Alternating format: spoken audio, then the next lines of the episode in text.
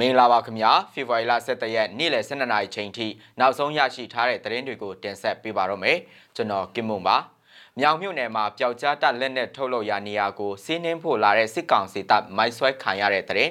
ပသိမ်မြို့တစ်ဖက်ကမ်းရှိရဲစခန်းဘုံပစ်ခံရတဲ့တဲ့တရက်ချောင်းမြို့နယ်စော်ဖျားကြီးရွာမှာပြူစောထီအဖွဲ့စစ်ကြီးကောက်ခံတဲ့တဲ့နဲ့မင်းတပ်မြို့နယ်မှာစစ်ကောင်စီတပ်လက်နက်ကြီးကြီးထီလို့ခုနှစ်တန်းចောင်းသားတည်ဆုံးတဲ့တဲ့စတဲ့တဲ့တွေကိုတင်ဆက်ပေးသွားမှာပါ မြောင်မြို့နယ်မှာပျောက်ကြားတပ်လက်နက်ထုတ်လို့ရနေရာကိုစီးနှင်းဖို့လာတဲ့စစ်ကောင်စီတပ်မိုက်ဆွဲခံရတဲ့တရင်နဲ့စလိုက်ချင်ပါတယ်။မြောင်မြို့နယ် DGRP သူ့ကာကွယ်ရေးအဖွဲ့ရဲ့လက်နက်ထုတ်လို့ရနေရာကိုစီးနှင်းဖို့ရောက်ရှိလာတဲ့စစ်တပ်ကိုဖေဖော်ဝါရီလ9ရက်မနေ့6နာရီခွဲခန့်မှာမိုက်ဆွဲခဲ့ကြောင်း TGR အဖွဲ့ဝင်တအုပ်ကပြောပါတယ်။ ကျွန်တော်တို့ကညထဲကတရင်ကြိုရထားလို့လူတွေရွှေ့ထားတာဒလန်တရင်ကြောင့်နေမှာကျွန်တော်တို့စခန်းကဝင်လို့မလွယ်ဘူးနေခန်းတွေတောင်းမလာတတ်ဘူးဒလန်ကြောင့်ရောက်လာတာအင်အား80လောက်ရှိမယ်ကျွန်တော်တို့ကစခန်းအဝင်မှာမိုက်စင်ထားတဲ့3ယောက်လောက်တက်တက်ကြီးရက်နေတာဖုန်းနဲ့မိုက်ခွဲလိုက်တာ3ယောက်လောက်ကတော့တီးတယ်အပြန်လန်ပြစ်ခတ်မှုလည်းခဏတော့ဖြစ်တယ်လို့သူကပြောပါတယ်ပြစ်ခတ်မှုများအပြီးစစ်ကောင်စီကအဲ့ဒီစခန်းအနည်းရှိ လက်မရတန်းရွာမှအိမ်6လုံးနဲ့နွားတဲတလုံးကိုမီးရှို့ဖျက်ဆီးသွားပြီးလူဦးရေ300ခန့်စစ်ဘေးရှောင်နေရကြောင်းသိရပါတယ်။အခုတိုက်ခိုက်မှုမှာ TGRP2 ကာကွယ်ရေးတပ်ဖွဲ့နဲ့အတူ11 Brothers Revolution Force အဖွဲ့လည်းပူးပေါင်းပါဝင်ခဲ့ပြီးစစ်ကောင်စီတပ်သား3ဦးတည်ဆုံးက10ဦးဒဏ်ရာရရှိခဲ့ကြောင်း TGR အဖွဲ့ကထုတ်ပြန်ထားပါတယ်ခင်ဗျာ။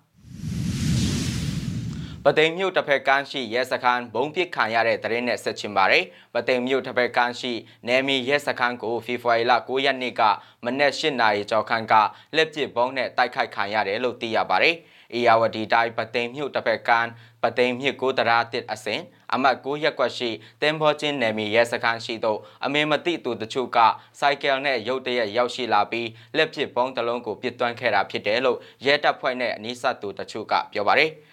လက်ပစ်ပုံးကမပေါက်တော့လူတွေကတိတ်မတိကြဘူးစစ်တပ်ကရေးကြီးတုတ်ပြရောက်လာတော့မှရဲစခန်းတွေထဲကထွက်လာသူတွေကပြောလို့သိရတာလို့အဲ့ရက်ွက်တွဲနေထိုင်သူတအုပ်ကပြောပါတယ်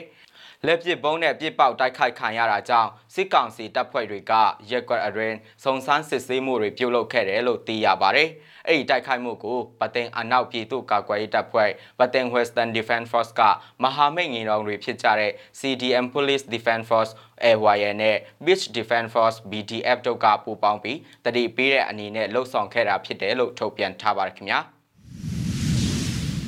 နောက်ထပ်တင်ဆက်ပေးချင်တဲ့သတင်းကတော့တဝဲခရိုင်တရက်ချောင်းမြို့နယ်စော်ဖျားကြီးရွာမှာဥယျင်ချန်နဲ့ရာဘာချန်လုတ်ကင်နေတဲ့ဒေသခံတွေထံမှတအူးကို9000ကျပ်နဲ့စော်ဖျားပြည်သူစစ်အမေရိကန်ပြူစောတိအဖွဲ့ကစစ်ကြီးကောက်ခံနေကြောင်းဒေသခံတွေထံမှသိရပါတယ်။ ရွာမှာကပြူစောတိအဖွဲ့ကတတ်ဆွဲထားပါတယ်ဒေသခံတွေကအလုပ်လုပ်လို့မရဘူးဥယျင်ချန်နဲ့ရာဘာချန်တွေထဲမှာလူရိတ်မြင်ရင်ပြစ်မဲ့ပြောတယ်အပြစ်မခံခြင်းရင်လူတယောက်ကို9000ပြည့်ရမယ်လို့စော်ဖျားကြီးရွာဒေသခံတို့ကပြောပါတယ်ချင်းချောက်မှုကြောင့်ဥယျင်ချန်နဲ့ရာဘာချန်လောက်ကိုက်သူတူ9000ကျပ်နှုန်းနဲ့မိသားစု၄ဦးရှိပါက2000ကျပ်ပေးရကြောင်းဒေသခံတွေထံမှသိရပါတယ် စော်ဖျားကြီးရွာမှာတပ်ဆွဲထားတဲ့ဖြူစောတိအဖွဲ့ဟာအဲ့ဒီကြီးရွာမှာအခြားကြီးရွာတွေကိုတွာလာတဲ့လမ်းတွေကိုပိတ်ဆို့ထားတွေမှာ3လကြာမြင့်နေပြီဖြစ်ကြောင်းသိရပါတယ်ခင်ဗျာ။နောက်ဆုံးတင်ဆက်ပေးချင်တဲ့သတင်းကတော့ချင်းပြည်နယ်မှာမတူပြည်မြို့မှမင်းတပ်မြို့ကိုပြန်ဆင်းလာတဲ့စစ်ကောင်စီရင်တပ်ဟာ9မိုင်အနည်းရှိရွာတွေကိုလက်နက်ကြီးတွေနဲ့ရန်တမ်းပစ်ခတ်မှုကြောင့်အသက်15နှစ်အရွယ်9တန်းကျောင်းသားမောင်ကီဟုံးတည်ဆုံးခဲ့ပြီးနေအိမ်များပျက်စီးခဲ့တယ်လို့မင်းတပ်ပြည်သူ့အုပ်ချုပ်ရေးအဖွဲ့ကထုတ်ပြန်ပါတယ်။9မိုင်အနီးရှုံမြောင်ထဲမှာပုံအောင်နေတဲ့မောင်ကီဟုံးဟာဖေဖော်ဝါရီလ9ရက်ည6နာရီဝန်းကျင်မှာအဆိုပါစစ်ရင်တန်းကပစ်ခတ်တဲ့လက်နက်ကြီးကြီးထိကတည်ဆုံးခဲ့ခြင်းဖြစ်ပါတယ်။မိုင်ပေါင်း104မိုင်ကွာဝေးတဲ့မတူပီမင်းတပ်ခရီးကိုစစ်ရင်တန်းက15ရက်ကြာအောင်တွားခဲ့ရပြီးလန်တလျှောက် CDM မင်းတပ်အဖွဲ့နဲ့တိုက်ပွဲပေါင်း20နီးပါးထိတွေ့မှုဖြစ်ပွားခဲ့ပြီးစစ်တပ်ဘက်ကအကြအဆုံးများခဲ့တယ်လို့သိရပါတယ်။ အဲ့ဒီစီရင်တန်းဟာမင်းတပ်မြို့ကိုရောက်ရှိနေစဉ်မြို့ပေါ်ကနေကြီးရွာတွေဘက်ကိုလက်နက်ကြီးတွေနဲ့ပစ်ခတ်ခဲ့ပြီးဖေဖော်ဝါရီလ10ရက်မနေ့ပိုင်းမှာကြောက်ထုမြို့သို့ဆင်းသွားပါတယ်ခင်ဗျာ။မီဇီမာရဲ့ဖေဖော်ဝါရီလ17ရက်နေ့လယ်12နာရီချိန်ထိနောက်ဆုံးရရှိထားတဲ့သတင်းတွေကိုတင်ဆက်ပေးခဲ့တာပါမြန်မာပြည်သူတွေကိုစိတ်နှပြချမ်းသာချမ်းသာကြပါစေခင်ဗျာ။